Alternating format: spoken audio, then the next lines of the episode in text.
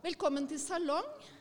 Velkommen til samtale om Holberg og samtale om Jeppe på Bjerget. Vi, eh, vi skal eh, ta parykken helt av Holberg, om ikke det allerede er gjort. Vi skal snakke mye om i dag også, eh, men vi knytter det til dette stykket eh, som da er satt opp nå i en veldig, eh, i en veldig spennende variant. Og så er det en liten endring på programmet, og det er at Bjørn Hatterud, som er forfatter, han eh, hadde dessverre ikke anledning til å komme i dag. Men vi, så vi vrir litt på, på, regien her, og har da fått sjefsdramaturg Njål Helge Mjøs til å snakke litt med oss først om dette stykket og hva det er for noe. Velkommen.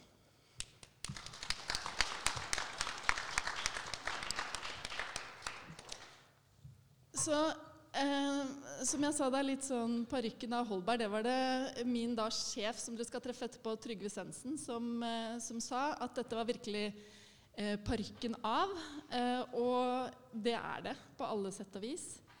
Men kan du si litt om liksom, hele konteksten? Altså Holberg, dette er skrevet 1722, eh, er det det? Riktig. 1722, ja. Og, eh, og, denne moderne versjonen vi har, dere har satt opp her nå, fortell litt om den, den, reisen det har vært for dere også som Nationaltheatret. Ja, det har vært en, en, en, viss reise på det. 1722, da er det 300 år siden.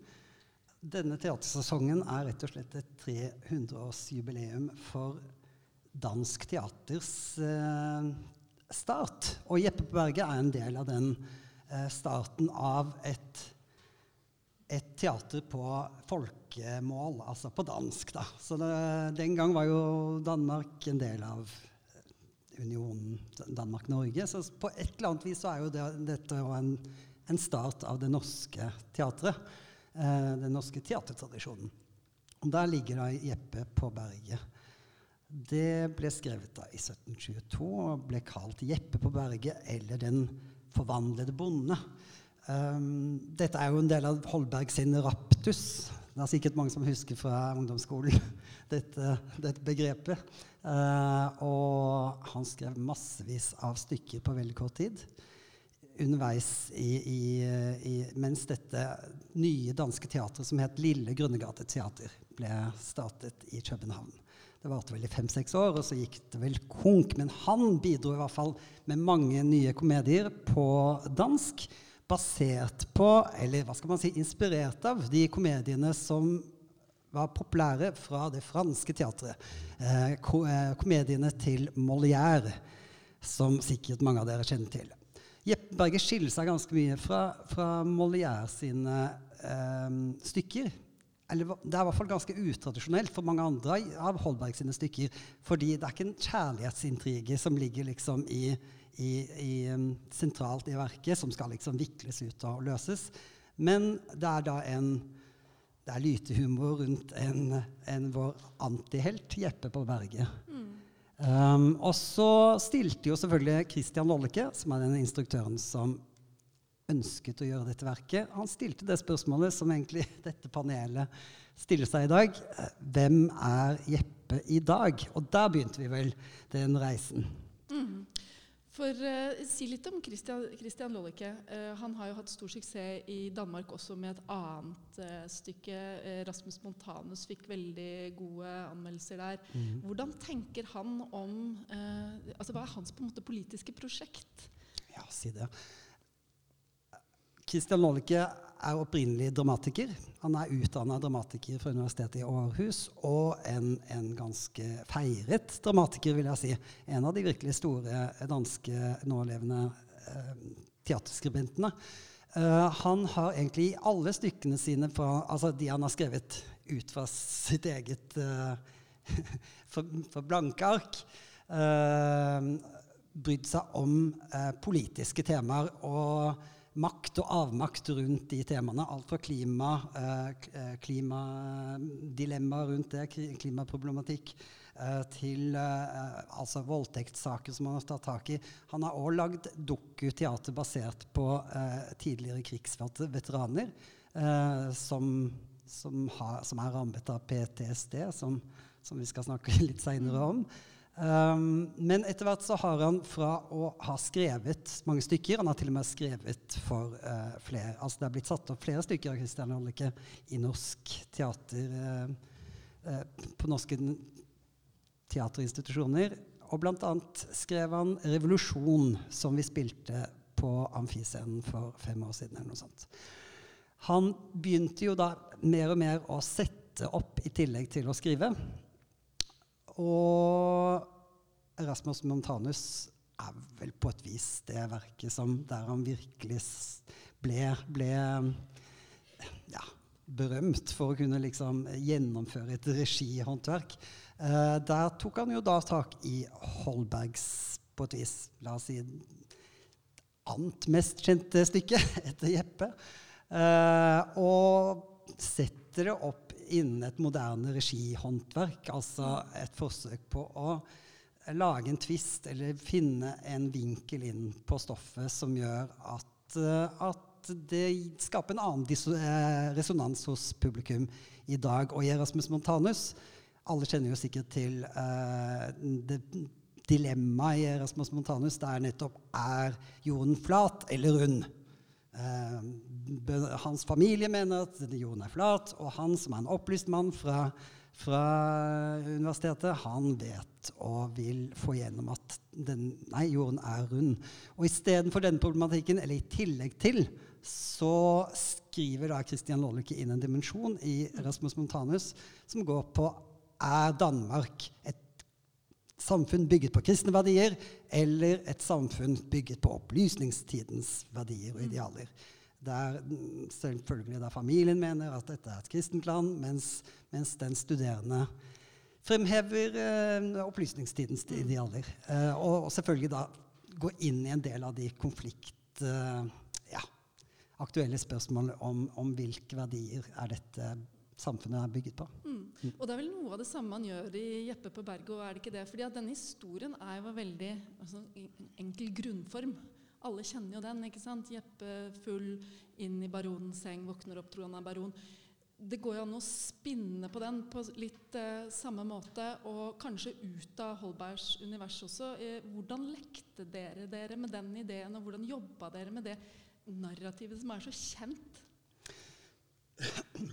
Kristian um, stritta litt imot på ideen i begynnelsen, men så begynte han å nettopp stille seg det spørsmålet hvem er Jeppe i dag?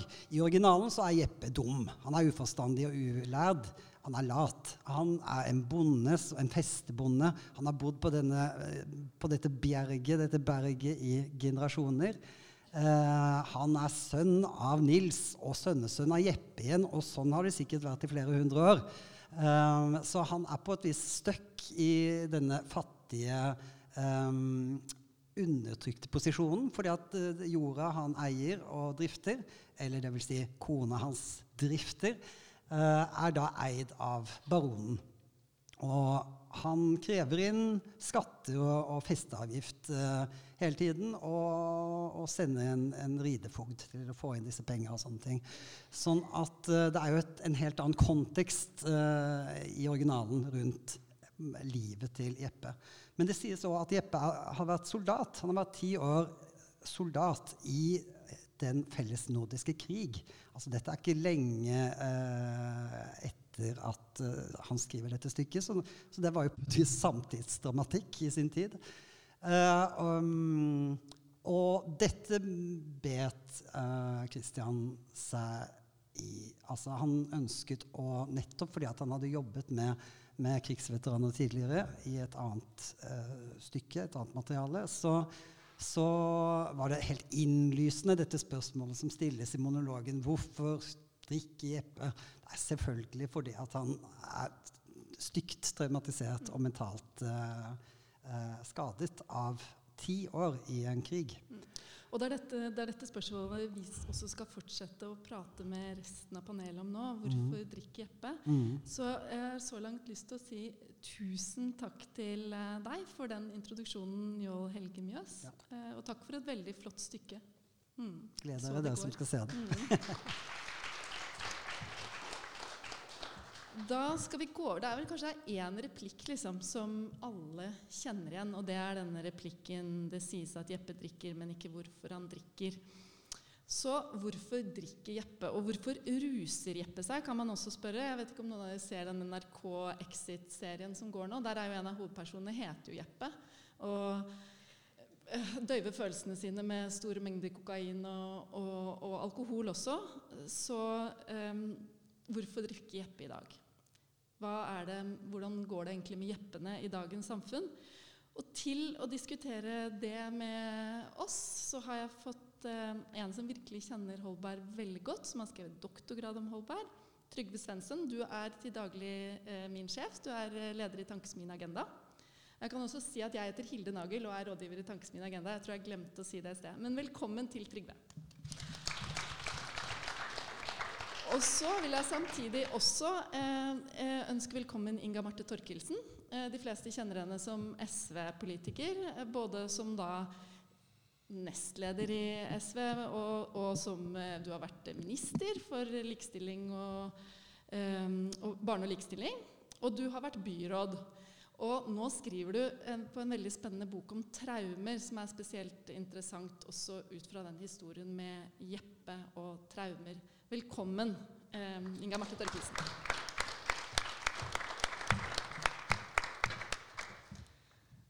Også fordi jeg har liksom to, to, to, litt forskjellige eksperter her, holdt jeg på å si. Da, eh, eh, du har jobbet mest med Holberg, Trygve, og, og, du mest med kanskje, hva skal vi si, velferdsytelsene og, og, dette med traumer og sånn. Så jeg har lyst til å dele litt i to. Jeg har lyst til å starte med at vi har en samtale om, eh, om Holberg. Mm.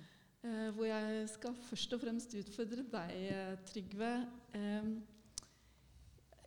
la oss lese Holberg og huske at han var på sitt mest alvorlig når han fikk folk til å le, har du sagt. Mm. Det er jo nettopp det han gjør her, er det ikke det?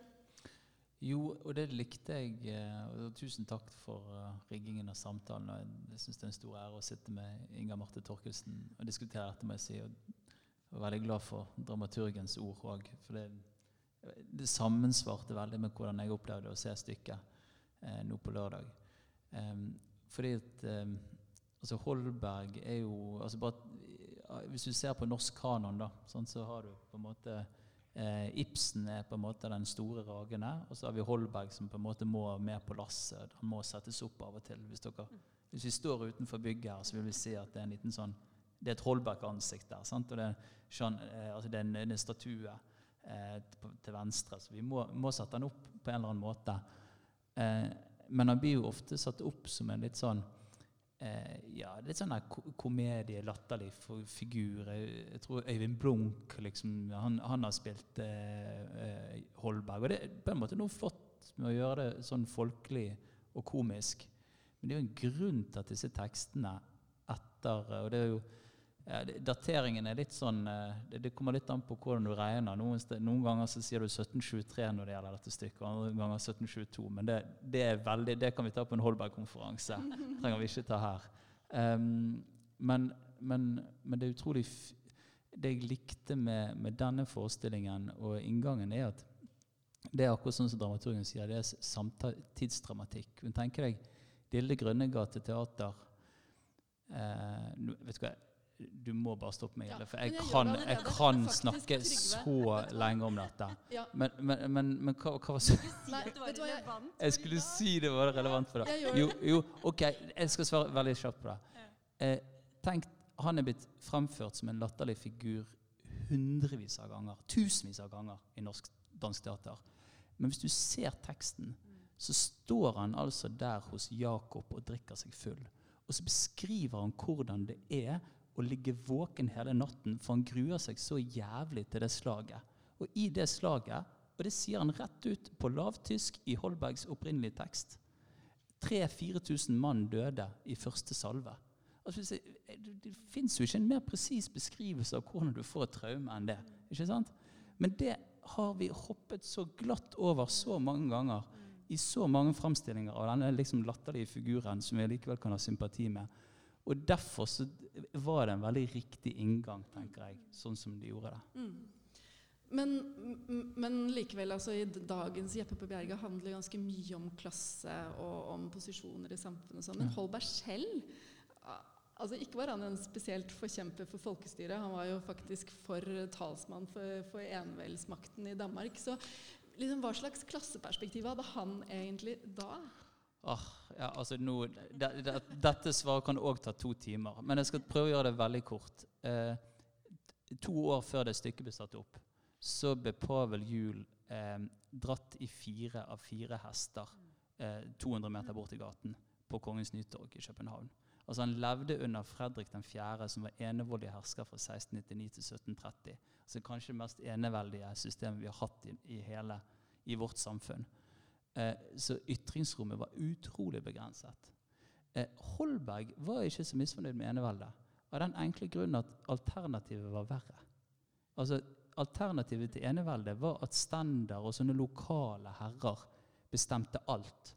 Så for mange eh, på en måte up and coming-folk som bare hadde sitt eget talent å hvile på i den konteksten, så var eneveldet egentlig ganske ok. For det betydde at kongen han var overalt, men alle under kongen de var likere. Så, sånn sett var det ganske mange i Holbergs situasjon som mente eneveldet var rimelig progressivt.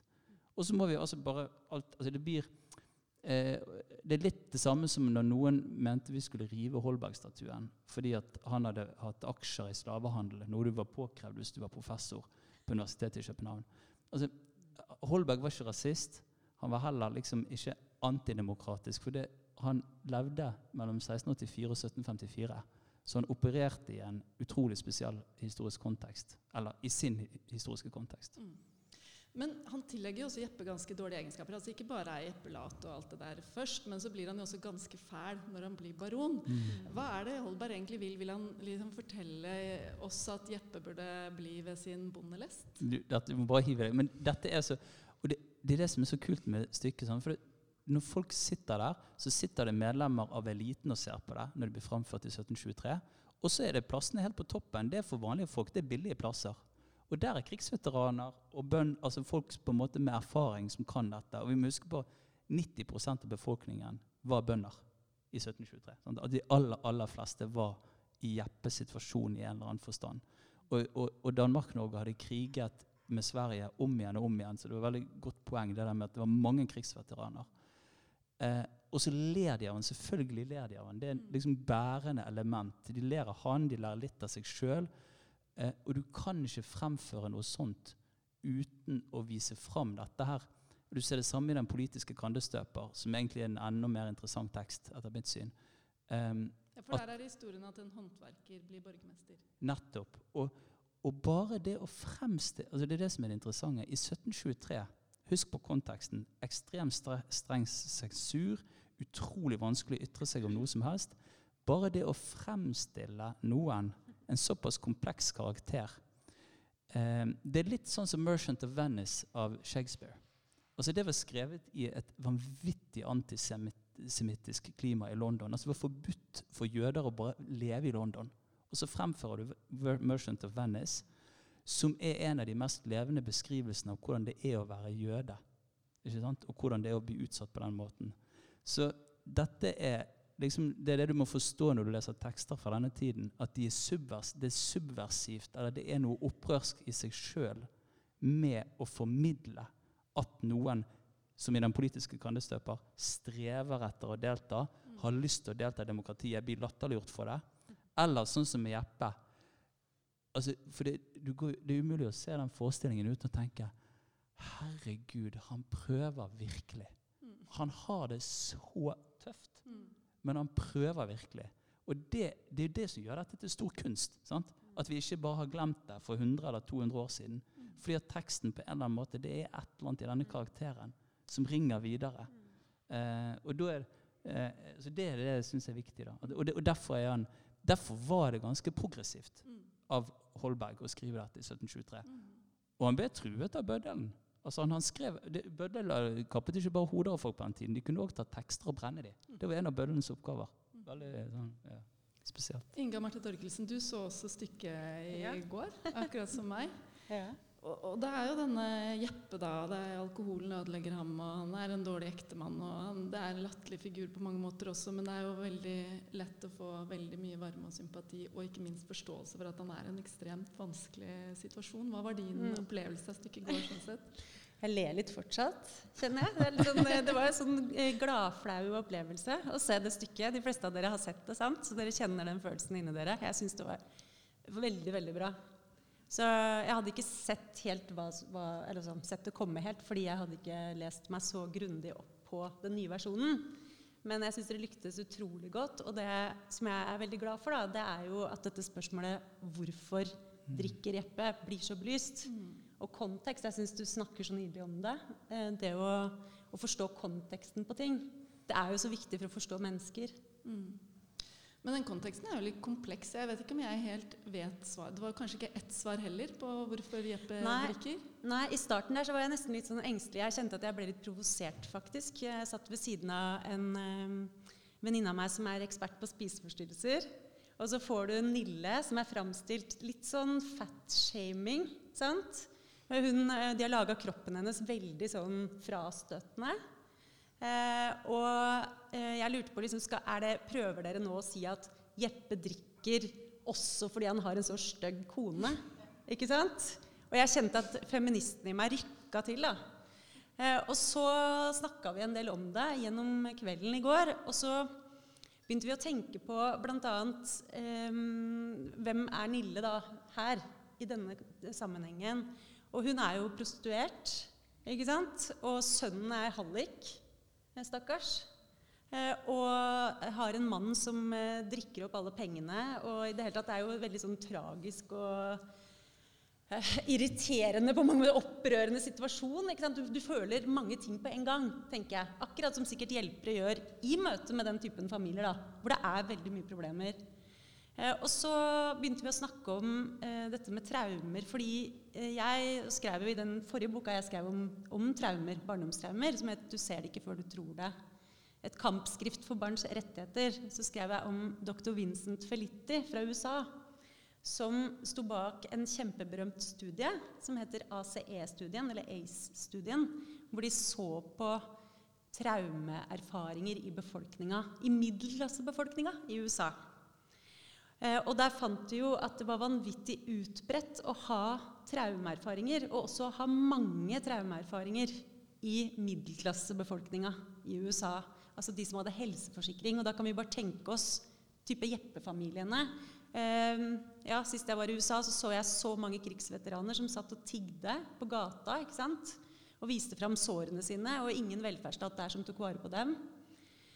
Eh, men det som foranlediget den ACE-studien, det var at dr. Vincent Felitti han hadde funnet opp et slankeprogram eh, som kunne få sterkt overvektige mennesker ned mellom 130 og 140 kg på ett år.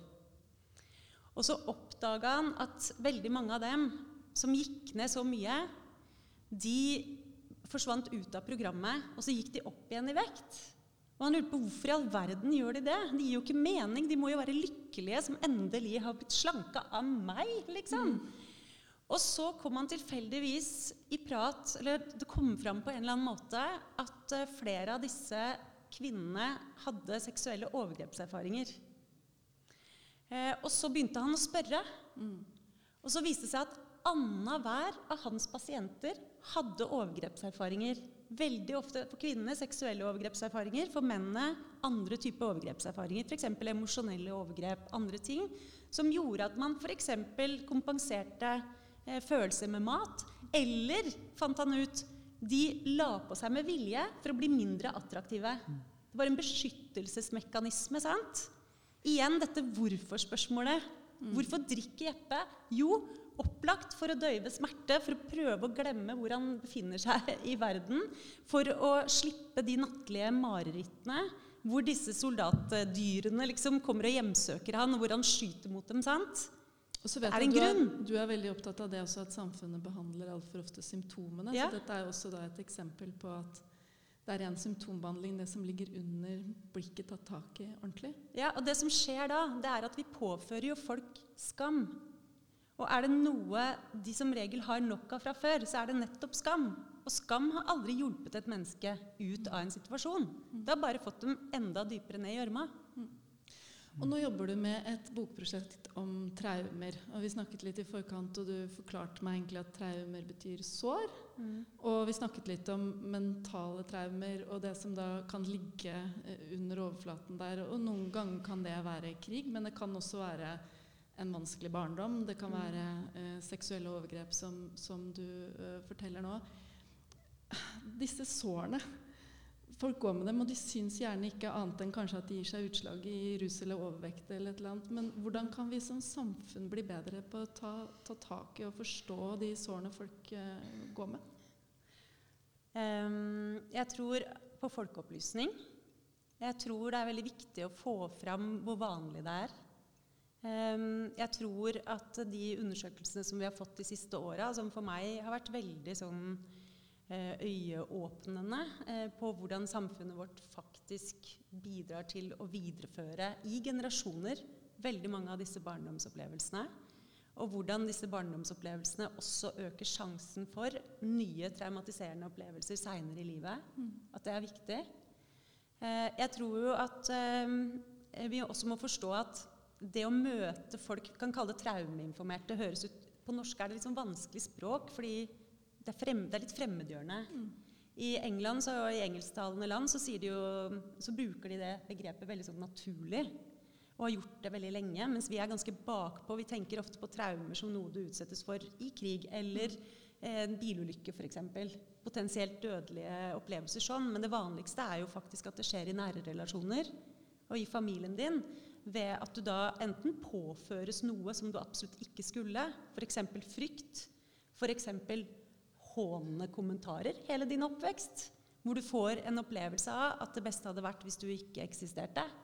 Jeg har møtt mange ungdommer som har fortalt om det, hvordan det kjennes. At, du, at foreldrene dine gjerne skulle ønske at du ikke fantes, eller søsken eller andre. Eh, eller det kan være eh, direkte trusler mot livet ditt.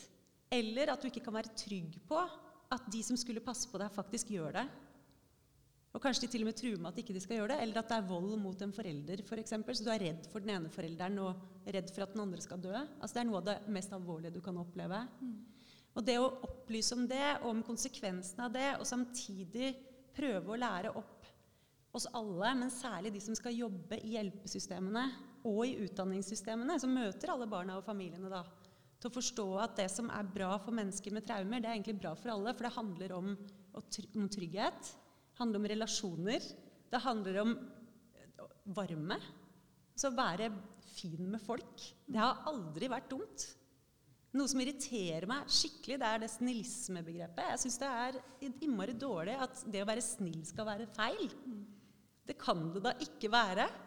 Og det kan ikke være sånn at selv om vi skal forstå hvorfor Jeppe drikker, så skal vi forstå oss i hjel og tenke at ja, da kan bare, ja, Samme med han sønnen, liksom. Han får klare seg sjøl. Eller han Jeppe Ja, uff a meg, stakkars. Ja, vi må jo forstå at han drikker opp alle pengene. Det er jo ikke sånn. Vi trenger ikke å liksom være helt lamme i bakhuet, sa vi i min familie. Da. Men vi kan prøve å tenke litt mer komplekse tanker enn det, da. Mm. tenker jeg. Trygve, du må bare hive deg på også. Altså, vi i Tankesmien Agenda er jo opptatt, veldig opptatt av liksom, velferdsstaten. Hvordan den møter folk, og egentlig også hvordan man skaper muligheter for uh, mennesker. Og det dreier seg også om hva man ser. Uh, om man ser det, et rusproblem eller om man ser et menneske, og hvordan, hvordan man møter folk. Så kast deg gjerne på. Ja, ja, jeg må bare få lov å gi honnør til deg, Inga Marte. Altså, folk gjør mye forskjellig etter de har vært statsråd og toppolitiker og byråd. Og, og sånt. Når du går liksom all in og jobber for noen av de som, ja, noen av de som har det aller tøffest. da. Eh, og så er jeg utrolig enig om at vi må bare lære oss et Altså Dette må bare normaliseres dypt. Det må bare bli en helt, helt vanlig ting å snakke om at mange av oss bærer ulike typer traumer. Og det er en av de tingene jeg tenkte på når du snakket om USA nå. var jo, vi markerte jo nettopp 15. februar var det 20 år siden den største fredsmarkeringen i verdenshistorien. Sant? Det var den eh, 20-årsmarkeringen der sikkert mm, eh, vi begge og sikkert mange her var ute og demonstrerte mot krigen i Irak. Sant? Altså det siste sånn tilfellet av virkelig global klokskap. Så mange mennesker, nesten 100 millioner, var ute og demonstrerte for fred. Og så gikk allikevel Bush-administrasjonen til krig. Og en av tallene som har gjort inntrykk på meg med den krigen, det er at det er langt flere amerikanske veteraner som har tatt livet av seg etterpå, enn som ble drept i Irak. Altså Det mest dødelige du kunne gjøre, det var å dra til den krigen, og så etterpå så tar du livet av deg hjemme. Og til og med folk som er dronepiloter, som da bare kjører til et lagerhus i Arizona og styrer en drone og dreper folk, de også tar livet av seg etterpå. For det, det er ikke menneskelig å være tøff, en morder, alle disse tingene. Tvert imot så er det dypt, dypt skadelig. Og det er Jeppe et eksempel på. Og så skal jeg ta en liten sving innom Holberg. Bare for det at Siden liksom Bare si noe om den. Han var en svamp. Altså var en svamp for alt som rørte seg i hans tid og hans kontekst. Alt fra tidlig opplysningstids tenker, tanker osv. Og så måtte han tilpasse det til et veldig veldig strengt regime. og Mye strengere i København enn det var i Hamburg, enn det var eh, i Oxford andre steder. Eh, så det at han tar opp i seg dette, at det finnes krigsveteraner, at det finnes folk i Hamburg som prøver å styre selv om de er håndverkere, alle de tingene, det er helt naturlig. Eh, det var derfor han også, Nils Klim, når han ga den ut, må, måtte gi den ut i Leipzig. Kunne ikke gi den ut i København pga. sensuren. Men, men jeg syns egentlig det Inger Marte snakker om, er enda viktigere. For det angår alle vi, altså alle vi som sitter i dette rommet, kommer i løpet av den neste uken til å møte noen som har en eller annen traumebagasje. Og kanskje halvparten av oss har det sjøl, hva vet jeg. Eh, og det å bare bruke disse anledningene, sånn som dette stykket, kunsten, til å bare senke skuldrene og så bare Ja, du har det, ja. Men vet du hva? Det er ikke din feil. Det er helt greit. Eh, la meg prøve å lære noe av hvordan jeg kan forholde meg til dette. Og så kan vi komme videre. Altså, vi har jo snakket litt om det, at vi trenger liksom Det trengs et paradigmeskifte på dette feltet. da. Og da at du setter opp stykket på den måten synes, og aktualiserer det, tror jeg er veldig bra. Jeg tror vi trenger mye mer av dette. Ja. Det er jo også ganske godt forskningsmessig belegg dessverre, for at det er eh, sammenhenger her også mellom rus, fattigdom, eh, krenkelser i form av vold og overgrep. Eh, det kom akkurat nå forrige uke en eh, ny rapport som også viser at det er eh, veldig stor forskjell i helse hos eh, de som på en måte er en sosioøkonomisk høy status og lav status. Eh, så det er så mye som syv år forskjell i livslengde på, for menn og fem år for kvinner Mm. på hvilken på måte, klasse du tilhører. Da. Så her har du noen problemer knytta til hva slags samfunn der vi har jeg, jeg, Det var i hvert fall noe jeg satt igjen veldig etter å ha sett stykket i går også. Mm. At dessverre er det noen stygge paralleller til det klassesamfunnet i dag også. Eh, den rike baronen er lett å kjenne igjen både i maner og, og ute i, i, i på en Mm. måte Oslos gater Mm. også. Og Jeppe og varianter av familien hans er, eh, kan man kjenne igjen og ser dem i statistikken også. Eh, Mm. Kommentarer til det klasseperspektivet. Jeg vet ikke hvem som vil starte. Startuttrykk. Ok, men du, skal, Jeg skal si en ting om det med rus først. Vi må huske på at de aller aller fleste av oss syns det er skikkelig gøy å ruse seg. Altså, Jeg hadde ikke vært pappa hvis jeg ikke hadde vært for alkohol. liksom. Sant? Altså, Vi går ut på byen, vi treffer folk, vi drikker vin i helgene. Det er en fantastisk Jeg sitter her med en øl for å feire Jeppe. Så det er liksom vik- eh, eh, Vi har gitt ut en bok eh, på det fantastiske forlaget vårt, Respublika, som heter 'Meningen med rus'. Som er skrevet av en av Norges fremste rusforskere, som også er min beste venn, så jeg er litt inhabil i akkurat det spørsmålet. Men det er en veldig interessant bok. Og han skriver om to typer rus. Rus for å leve og rus for å være. For altså det er en grunn til at vi ler av Jeppe. Sant? Fordi det er noe gjenkjennelig der. Det er òg en grunn til at det går an å komme på en torsdag på jobb, og så har du vært ute på onsdagen, så skal du si sånn Oi, shit, det ble fuktig i går, og så ler vi litt av det. ikke sant? Altså det er en veldig aksept, Alkoholen er veldig akseptert i, i samfunnet vårt. Og så er det en grunn til at jeg også jeg, jeg, altså, jeg, er jeg er veldig imot det. Når vi snakker om rus, så må vi klare å bevare dobbeltheten. Altså Vi må klare oss å å, og, og, det, det, det, den boken handler om, det er rett og slett at mange av oss bruker rus som en måte å bare kjenne oss mer levende på, ha det gøy, komme nærmere folk. altså Bare tenk på hvordan vennskap fordypes ved at vi f.eks. drikker oss ganske fulle sammen. da. Ikke sant? Det er, en, det er helt naturlig. Det syns jeg òg vi liksom nest, altså Ikke som med traumer, men det må vi liksom kunne klare å, å senke skuldrene og snakke om. Og så har du den andre siden av sannheten og saken. og Det er derfor jeg mener vi trenger en mer omfattende rusreform. Det er derfor vi trenger det. Det er fordi at Hvis du går i Brugata, eller hvis du går og snakker med folk som har skikkelig heftige rusproblemer, som ikke bruker rus for å leve, men bare rus for å være, da er det selvmedisinering. Og absolutt, altså det du, Tallene er jo så åpenbare. Alle sammen har skikkelig, skikkelig tøff bagasje. Ikke sant? Mm. Og det kan det kan være Jeppe-aktig oppvekst, eller det kan være noe som på forsiden så det ikke liksom shiny ut som dette rommet, men kanskje var fullt av giftige kommentarer som underbygde selvfølelsen din. Så, det, så det, sånn mener jeg vi må snakke om rus, da, med den dobbeltheten. I, i, for ellers lurer vi oss sjøl litt, syns jeg. Det er noe vi alle sammen holder på med. og Det er sikkert noen som skal ha seg et glass vin når de sitter og ser forestillingen, og det er helt topp. Eh, og så samtidig vet vi at man, noen av oss og ganske mange bruker rus for å være.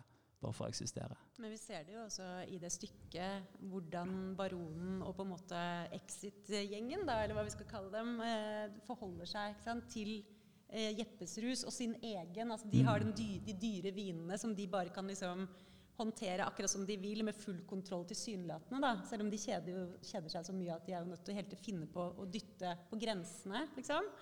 Eh, og så kan de da koste på seg å le av den narren som ikke har kontroll på sin rusbruk. ikke sant? Og Det er jo sånn som samfunnet gjør hele tida. Vi som har kontroll, kan tillate oss å le av eller eh, skampåføre, eller påføre skam da, på folk som ikke har den kontrollen. Det er også ganske interessant, syns jeg. Mm. Og så tenkte jeg på disse, denne overklassen, da, for å si litt om klasse òg. Hvordan ja, eh, vi, vi, tenker, og vi knytter traume veldig ofte til underklassen og de som har, har, det dårligst i samfunnet. Og det vet vi fra forskninga at det er en nær sammenheng mellom f.eks. fattigdom og traumatiske erfaringer fra barndommen. Men det er også interessant at forskninga viser jo at grunnlaget for empati Det betyr ikke at empatien, men altså grunnlaget for empati legges de første tre åra av et menneskes liv. Og jeg tenkte med den overklassen, den baronen og gjengen, jeg tror ikke de har lært så veldig mye innlevelse gjennom sin oppvekst. Og kanskje er det ganske mye emosjonell vanskjøtsel der i gården som vi heller ikke har tatt noe særlig tak i. Eh, og jeg, lagde en podkast som kom ut uh, i fjor, som heter 'Barndommen varer i generasjoner', med en dame som nå er 89 år i april, som heter Kari Kilén, og har jobba i 70 år. Tenk på det! 70 år med utsatte familier. Det er så kult! Fantastisk kunnskapsrik dame. Men hun mener jo det at den dagen psykiske overgrep blir tematisert ordentlig eller tatt ordentlig på alvor, psykisk vold mot barn, da, som faktisk 20% av 12-16-åringer i Norge, Norge, sier at de har vært utsatt for av sine foreldre. Psykisk vold, gjentatte erfaringer. Den dagen det tas opp av barnevernet, eller tas opp, så kommer middelklassen til å komme inn i barnevernet. Mens i dag så er det nesten utelukkende lavere sosiale lag som er i barnevernets søkelys. Mm. Så det er ganske spennende. Så jeg tenkte det kan godt hende barnevernet burde vært inne i noen av de familiene oppe i baroniet der. Mm. Men jeg tenkte også på det i går da jeg så stykket liksom, Jeppe. Han fortsetter å drikke selv etter at han nesten er hengt. Altså, ja. eh, og der, også det der mulighetsrommet for den familien hans. Man er ikke spesielt håpefull noe sted i den forestillingen Nei. på vegne av den familien. Det er ikke det at man har lyst til å være baron heller, man skjønner at det er hult, og, og, de kjeder seg, som du sier, og det er dårlig moral og alt det. Men den muligheten for en klassereise, den muligheten for ja. å faktisk kunne bevege seg finns i et samfunn, fins ikke. Og det ser du jo også f.eks. i klassejustisen. Det er jo fantastisk, den scenen. Den er guffen, altså. Men han dommeren ikke sant, som sitter og eh, runker mens eh, Nå sa jeg det på scenen. Mm. Jeg har aldri gjort det før. Foran eh, ikke sant, Og kjøper jo da kroppen til Nille, da. Eh, og så bare er det rett over. Beklager, dette er spoiler, da, men dere kan gjøre sånn. Men, eh, og neste sekund så dømmer han eh, liksom ja. Eh, Jeppe til døden. Og du bare vet at ok, du har ikke sjans. Du har bare ikke sjans. Det er overklassen som bestemmer. Det er rettsvesenet. Det er de som har parykken på. Det er de som bestemmer. Resten kan gå til grunne. Det, det er jo, altså, i, det, I de fleste komediene Holberg så er det jo litt sånn, og det er jo pga. sjangeren, så ender det jo liksom at med sånn at politiske kandestøperen sier sånn Ja, men nå har jeg forstått liksom Skomaker blir med din lest, og så banker han konen sin, og så er liksom Verden skal returnere til orden, da. Det er liksom 1700-tallskomedien. Sånn. Mm. Mens her er det jo litt sånn mørkere. Eh, mørkere tolket. Um, og, men, men, det jeg uh, Nei, nå glemte jeg poenget mitt. Nå må du si noe. Jeg, jeg har, jeg har ja, Eller mm. det var mikrofonen forsvant. Uh, men jeg glemte ja, der er han tilbake. Og så hadde, men jeg, det var egentlig ikke det jeg skulle si. Jeg hadde et skikkelig skikkelig bra poeng. Var det, men det, for meg. det var Jo, ja, ja, det var det! det var Tusen takk. Uh, i i, i, i, originalteksten så roper Jeppe under uh, rettssaken så roper han 'Tal dansk, din sorte hund' sant, til denne svartkledde dommeren. Og Det er òg en interessant metakommentar fra Holberg. fordi at dommeren der, og dette var Holberg ekstremt opptatt av i nesten alt han gjorde, han snakket sånn veldig sånn finurlig, juridisk, fremmedgjørende språk. Dette er helt gjennomgående og veldig typisk for, uh, for dannelsesprosjektet til Holberg. Og det Jeppe kritiserer i den teksten, det, det, det, dere, det er ikke så fremtredende i dette stykket, men det, er greit, men du må gjøre noen kunstneriske valg. Men det, er at for en vanlig bonde så var det helt umulig å forstå hva dommeren snakket om engang. Mm. Sånn, så ikke bare blir du da, ikke bare ridefogden eh, benytter seg av konen din ikke sant, og posisjonen sin. Når du møter dommeren i retten, så møter du et språk som er totalt fremmedgjørende. Og vips, så er vi plutselig tilbake i noe av det som du jobber med vet jeg, at folk som har en eller annen sårbar situasjon, eh, og det kan være i møte med rettsvesen, mm. helsevesen, møter et språk som er totalt mm. fremmedgjørende. Og dette skriver Holberg om òg, altså. Og det er, ja, det er, det er kjempespennende. Er, men der uh, klarer vi jo å se fortida så mye klarere enn vi klarer å se vår egen samtid. Det er jo veldig typisk. Men uh, det som jeg erfarer gang på gang i møte med folk som strever veldig mye med fattigdom, traumer av forskjellige slag osv., det er jo at man ofte ikke skjønner hva hjelperne snakker om engang. Mm. Uh, og Kari Kelen forteller en sånn historie hvor, hun, uh, hvor det er to, et foreldrepar da, som veldig gjerne vil være gode foreldre barnet, for barnet sitt. Og hun møter han pappaen på gata, og så sier hun 'Fikk du hjelp?' Og så svarer han ja, 'Vi vil jo gjerne ha hjelp, men jeg skjønte ikke hva de prata om'. Mm. Og ærlig talt, sånn er det i systemene våre i dag. altså. Og ofte så skjønner jeg nesten ikke noe av det sjøl. Og jeg har ganske høy utdanning og har vært liksom i systemene i alle år omtrent. 18 år toppolitikken. Burde være i stand til å forstå det. Gjør ikke.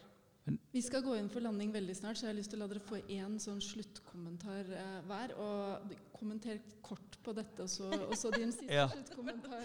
Ja, jo, for det, altså, jeg syns det er så mye bra med måten det er gjort på. så derfor så Fantastisk stykke, så da kan jeg òg være litt kritisk.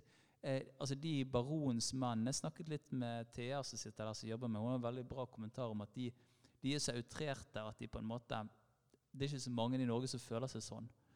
Jeg syns det hadde vært litt kult hvis de var litt mer sånn Litt sånn som hjelpeapparatet. på en måte. Altså Det kunne vært en fastlege, en med liksom altså noen, altså noen, som minner mer om oss som går i teater. da. Som minner mer om meg, og som minner mer om oss. Og så kunne det vært kanskje litt sånn mindfulness-språk. Ja, kanskje du bare kommer over det, eller dette er bare noe du tenker. Altså, du, altså man se kunne gjort det Du må se framover. Altså, du kunne gjort det enda nærmere hvordan folk med ulike former for traumer faktisk blir møtt. da. Mm. Det kunne vært det. liksom. Men det er klart, du har en tekst du skal ha en respekt for, og du må liksom jobbe med det. Du får ikke sette det opp i regi jeg Agenda. Ja, ja, ja, ja, Men Da blir det den politiske kandestøper. Men det er, godt, det er, jo et veldig godt poeng også. Det er, det er vi, vi, klarer ikke å se oss sjøl utafra, og det jeg merker så godt, det er altså Vi tåler så dårlig smerte. Vi tåler så dårlig å høre hvordan folk har det. Vi skal ha tiltak. Altså, vi skal ha noe til å skje.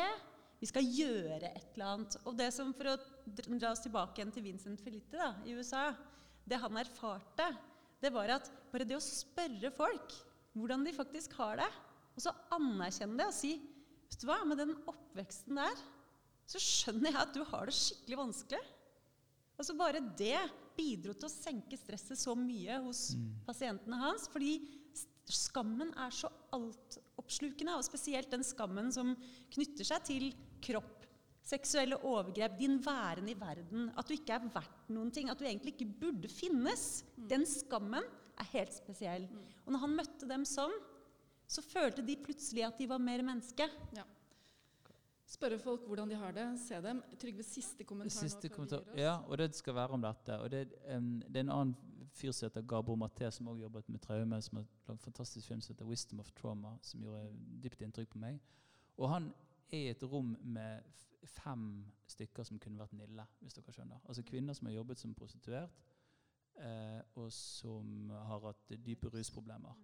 Og så begynner man å spørre dem ok, hvorfor, hvorfor bruker du heroin. da? Alle har vært på heroin. sant? Det er forskjellige. Jo, OK, jeg slapper av, jeg føler meg trygg, verden blir ikke så vanskelig. em, jeg føler plutselig at jeg kan snakke med folk, jeg føler tilknytning. em, plutselig så liksom, er det greit å være meg. Eh, jeg, kjenner på vennskap. Så plutselig sitter de liksom og snakker om det. Og så bare tar han liksom en sånn pause og så bare Ja. Og alle de følelsene dere får av å gjøre dette, er følelser dere fortjener å ha i livet deres. Ikke sant? Og sånn møter han de. Og sånn på en måte begynner deres reise videre. da. Eh, og det er jo sant? Ok, dette var i 1723. Da gjorde vi bare fullstendig narr av noen som drakk for at de hadde behov for å føle seg bedre. Nå er det på høy tid at vi beveger oss videre. Det var en veldig fin avsluttende kommentar, syns jeg. Og tusen takk eh, til dere to. Takk til dere som hørte på. Tusen takk.